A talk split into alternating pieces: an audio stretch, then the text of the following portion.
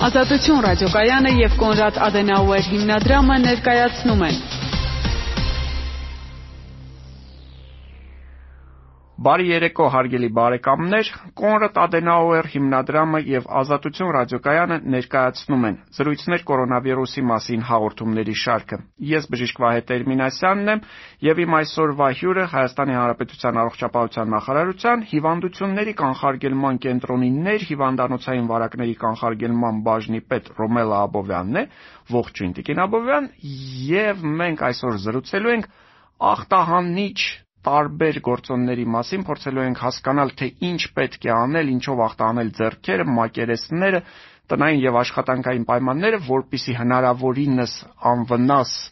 պահենք մեր եւ մեր շրջապատը։ Եվս մեկ անգամ ողջույն, շնորհակալություն մեր հրավերը ընդունելու համար։ Ինչից սկսենք։ Բարև ձեզ, նախ ողջունում եմ այս հանդիպման տեսլականը շատ կարևոր է, քանի որ այսօր բազմաթիվ մարդիկ անհանգստացած են, թե ինչպես կարող ենք կանխարգելել կորոնավիրուսային վարակը եւ չվարակվել դրանով շատ արդիական թեմա է բարձրացվել ախտահանիչ նյութերի հետ կապված։ Երևի սկսեմ ի սկզբանե առողջապահության համաշխարհային կազմակերպության կողմից ներկայացված առաջարկները, թե ինչպես պետք է ախտահանենք շրջակա միջավայրը եւ ինչ նյութերով եւ ինչպես նաեւ ամենակարևոր կանխարգելիչ միջոցառումը, որը ըստ նույն առողջապահության համաշխարհային կազմակերպության նվազեցնում է ոչ միայն կորոնավիրուսային հիվանդության, այլ նաեւ մնացած բոլոր վարակիչ հիվանդությունների փոխանցումը, դա ձեռքերի հիգիենան է, այսինքն ձեռքերի պատշաճ լվացումը օճառով, ջրով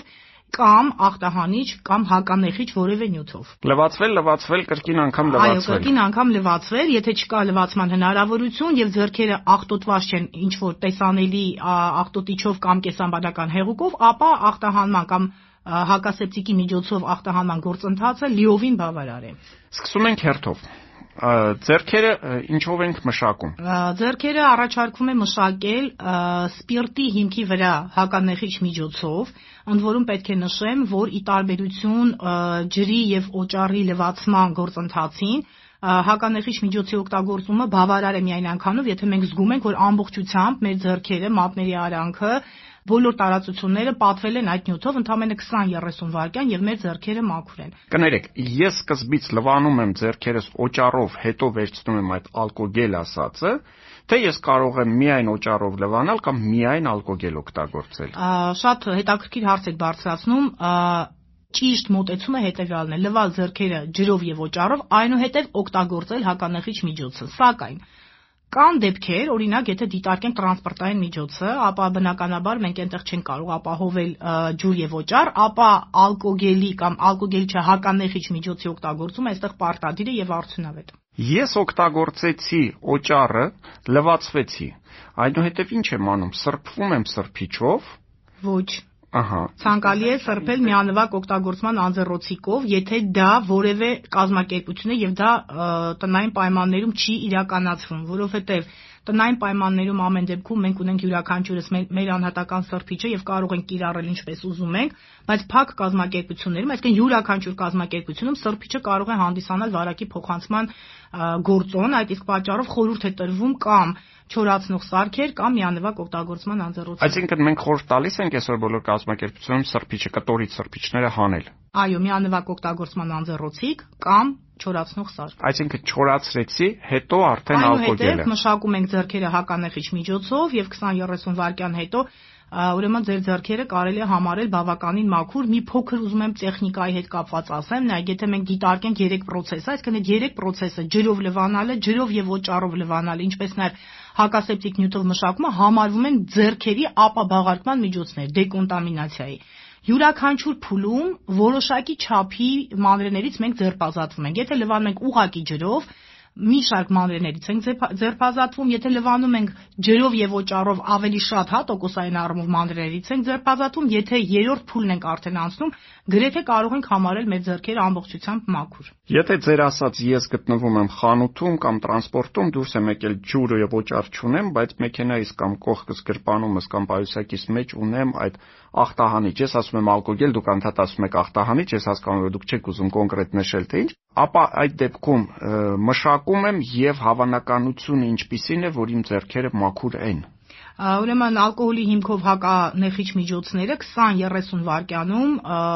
եթե խոսում ենք կորոնավիրուսային վարակի մասին, ապա սպանում է կորոնավիրուսը։ 20-30 վայրկյանում։ Այսպես այնպես կոպիտ ասած այսպես ձերքերը լավ ճպճպացնելով, այսպես չենք ափսոսում։ Այնպես մշակվի, որpիսի մենք զգանք, որ մեր ամբողջ, ուրեմն մակերեսները, ներսի եւ դրսի շրջանները, ինչպես նաեւ մատների արանքը, ուրեմն մշակվել են այդ նյութով։ Ինչ կասեք մատանիների, բրասլետների ժամացույցների մասին կասեմ, որ դրանք բավականին ռիսկային են եւ հենց ամենաշատ, այսպես ասած,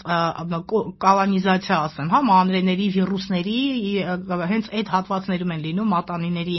արանքում, դրա համար շատ պահանջներ կան տարբեր կազմակերպությունների համար մշակված փաստաթղթերում պարտադիր նշվում է, օրինակ, հա, որ սննդի հանրային սննդի կազմակերպությունում չի թույլատրվում կիրառել մատանիներ կամ այլ նմանատիպ իրեր, որովհետեւ իրենք թույլ չեն տալիս ուրեմն մշակել հենց այդ հատվածը եւ բնականաբար կարող ենք ունենալ բարձր ռիսկ։ Սպիրտի հիմքով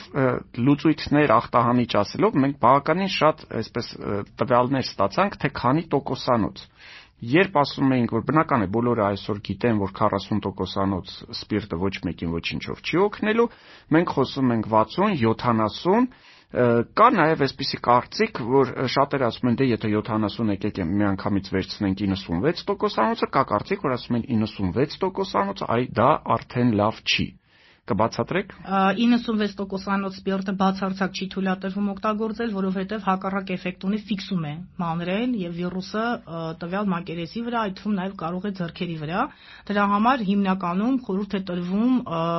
նայեք, Ձեռքերի համար որոշակի տոկոս չի նշվում, որովհետև բոլոր հականեղիչ միջոցները իրանք անցած պիտի լինեն փորձաքննություն եւ այդ փորձաքննության արդյունքում տրվել է եզրակացություն, որ ինքը սպանում է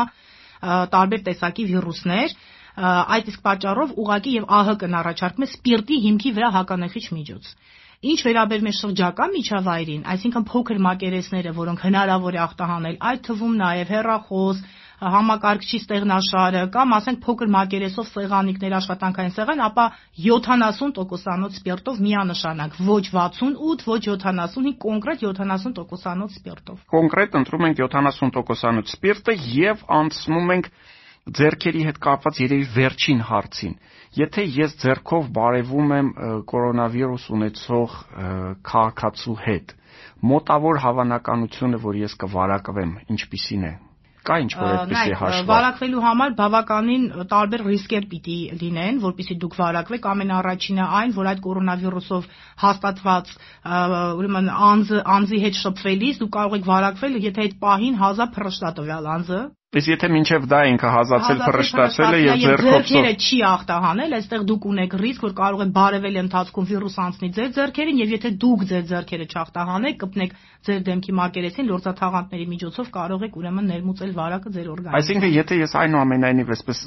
ձեռք մեկնեցին ու ամոթից ստիված բարևեցի ու վազեցի գնացի ձեռքերը ախտահանեցի, ապա այդ պարագայում ռիսկը նվազում է, շատ նվազում է։ Շատ բարի։ Եկեք փորձենք հասկանալ տնային պայմաններում արդյոք պետք է խոհանոցը ծայրից ծայր ինչ որ միջոցներով, այսպես տնային տնտեսությունին խորհուրդ տանք մաքրել, արդյոք մեզ պետք է տան դռնակները, դրսի դուռը, լիֆտում այդ կոճակները կպնելուց հետո ինչ որ բաներ կիրառել, թե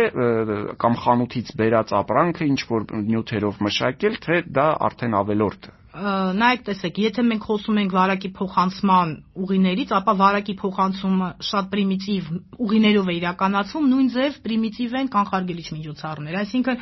Եթե մենք խոսում ենք ձեռքերի հիգիենայի մասին, ապա եթե կպնենք ավերելակի, ուրեմն այդ կոճակին, եթե կպնենք յուրաքանչյուր մակերեսի, այդ թվում ապրանքին, տոպրակին եւ այլն, այնուհետև մենք ախտահանենք մեր ձեռքերը, մենք որևէ ռիսկ չունենք։ Դրա համար առաջնահերթ այդ ձեռքերի ախտանումը մենք պետք է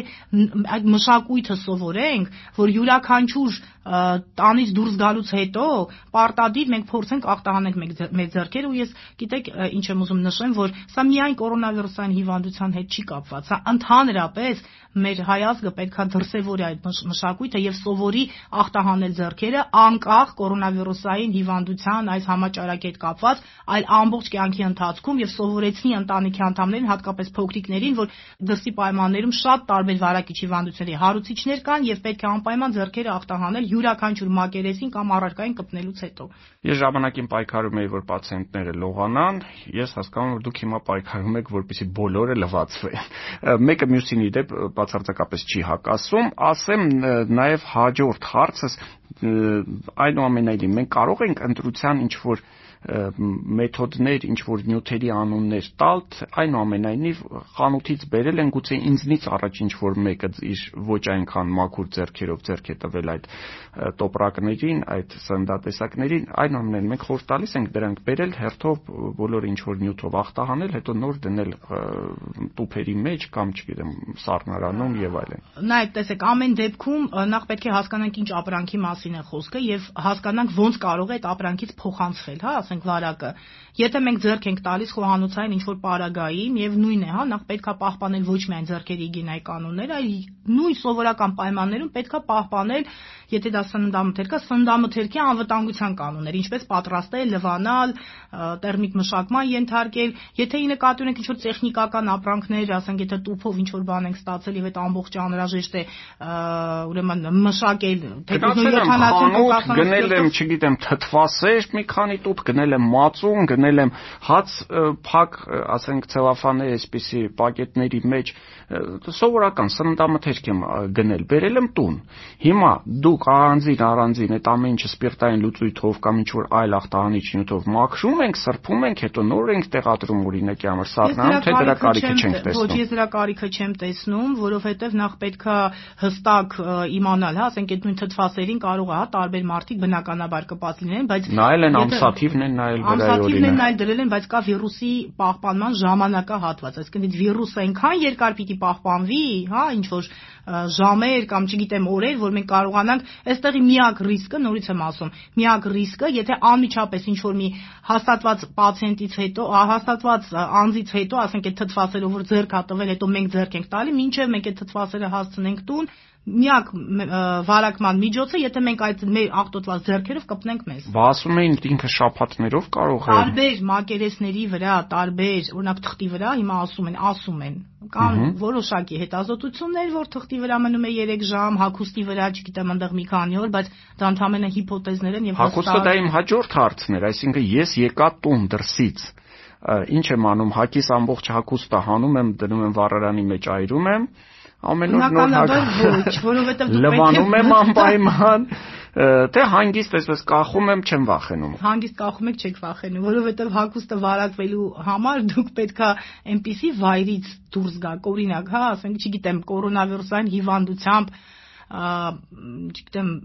հիվանդանոցից, հա, ասենք հիվանդանոցից, որտեղ բուժում են նման պացիենտները եւ դուք շփում եք ունեցել այդ պացիենտներից, դա հավանականություն այնքան քիչ է հակոստի վարակման եւ հակոստով վարակման, ուղակի բնակչության շրջանում Իսկ հիվանդանոցային պայմաններում բնականաբար գիտեք։ Հիվանդանոցային պայմաններ չեն քննարկում։ Մենք խոսում ենք սովորական բնակիչների համար դիմակներ, ինքնաշեն դիմակներ Միանշանակ ոչ, միանշանակ ոչ, որովհետև դիմակները բժշկական նշանակության պարագաներ են եւ ունեն տեխնիկական կանոնակարգ կանոնակարգի պահանջներ եւ ունեն համապատասխան գոստեր, թե ինչպես պիտի արտադրվի այդ դիմակը, ինչ ուրեմն պահանջներ պետք է լինեն այդ դիմակի հետ կապված, դրանք բավականին շատ են, օրինակ այդ օթափոխանա օթի օթափոխանա անցանելիությունը, վիրուսի անցանելիությունը, դիմակի շերտերը, այ այդ թվում նաև դիմակի նյութը ինչից է պատրաստված, կարերից բռնած, այդ Մարդիկ հնարավորություն չունեն օրական 5-6 դիմակ գնելու Նայեք, դիմակի հետ կապված կան շատ հստակ պահանջներ։ Դիմակը պետք է կրել միայն այն վայրերում, որտեղ կան մարդկային կուտակումներ եւ հնարավոր չէ պահել սոցիալական հեռավորություն։ Օրինակ, եթե բաց տարածքում մարդը զբոսայգուման է գալիս եւ չկա մարդ, հա, ասենք կուտակումներ չկան, դիմակի կրելը բացարձակ պետք չի։ Իսկ այդ դիմակը որտեղ պետք է լինի իր հետ վերցրած դիմակը, չէ՞ որ պահանջ կա, որ դուրս գալուց պետք է ձեզ հետ ունենաք դիմակ։ Դիմակը գրպանում ենք դնում, թե Ոչ, դիմակը պետք է լինի ուրեմն համապատասխան, ուրեմն եթե մենք տուփից ենք վերցնում դիմակը, ապա պետք է տեղադրվի համապատասխան, ասենք ինչ որ մի ցելոֆանե տարայի մեջ, հա, ասեմ երևի, եւ ոչ թե պայուսակի մեջ կամ գրպանում, ինչը ես բազմիցս դիտարկում եմ, եւ ամենաահավորը, երբ որ ես տեսնում եմ, որ շատ մարդիկ, ասենք, որոնք մոռացել են իրենց դիմակը, կարող են ուղակի կողքինից խնդրել, հա, ընկերոջից, այ ես դիմակս մոռացել եմ, կխնդրես քոնը տամ եւ զավեշտալի է, որ փոխանցում են դիմակը դրա համար ըստեղ պետք է երևի շատ մի քիչ մտածել ավելի ռիսկերի նվազեցման եւ ռիսկերի ավելացման հետ կապված գործընթացները ելնելով մեր ազգային առանձնահատկությունները։ Ես կարծում եմ, այս ամեն ինչի մասին մենք պետք է մտածեինք տարիներ առաջ, մանկապարտեզում, դպրոցներում, որpիսի հիմա մենք դա չսովորեցնեինք։ Մենք հիմա արդեն լինեինք պատրաստ, մենք ունենայինք հիգիենայի կանոնների համապատասխան պայմաններ եւ երևի թե վերջին հարցս այնուամենայնիվ մենք ասում ենք, որ зерքերը այդ ամեն ինչը փոխանցելից դեմքին դիպչելուց դեմքից հեռու, դեմքից հեռու։ Իսկ դեմքը ինչ որ մի բանով պետք է ախտահանել։ Դիցուք ես зерքերս լվացի, հետո ախտահանեցի ախտահանիչ սպիրտային լուծույթով։ Արժի ես տեսել եմ մարդիկ, որ մի թեթևել այդ ալկոգելից կամ ինչ որ ախտանի, քթի հատվածում կամ բերանի հատվածում կամ դեմքին քսում են։ Դա ինչ որ նշանակություն ունի, թե ոչ։ Բացարձակ նշանակություն չունի, որովհետև նորից վերհիշենք, թե ինչպես է փոխանցվում վիրուսը, դա փոխանցվում է ութակաթիլային ճանապարհով, այսինքն երբ որ այդ կաթիլը դիմացի վարակված անձից հազալու փրշտալու ընթացքում կարող է ուղակի ձեր դեմքին դիպչել եւ երկրորդ տարբերակը, եթե մենք այդ կաթիլները մեր ձեռքերի միջոցով ենք փոխանցում այլ ճանապարհ գոյություն չունի։ Դրա համար ձեռքերը դեմք հաղթանելու փոխարեն ընդհանրապես պետք է պահպանել սոցիալական հեռավորությունը եւ ախտահանել ձեռքերը։ Շնորհակալություն, հարգելի բարեկամներ, հիշեցնեմ, որ սա Կոնրադ Ադենաուեր հիմնադրամի եւ Ազատության ռադիոկայանի համատեղ պրոյեկտն է զրույցներ կորոնավիրուսի մասին։ Ես բժիշկ Վահե Տերմինասյանն եմ։ Այսօր զրուցում էինք Հայաստանի Հանրապետության առողջապահության նախարարության հիվանդությունների կանխարգելման կենտրոնի ներհիվանդանոցային վարակների կանխարգելման բաժնի պետ Ռոմելա Աբովյանի հետ խոսում ենք ախտահանիչ միջոցների մասին, կարծում եմ դրանք բոլորը կլինեն այս խորհուրդները ձեզ համար օգտակար։ Չենք մոռանում լվացվել, լվացվել եւ եւս մեկ անգամ լվացվել։ Կհանդիպենք մեկ շաբաթից։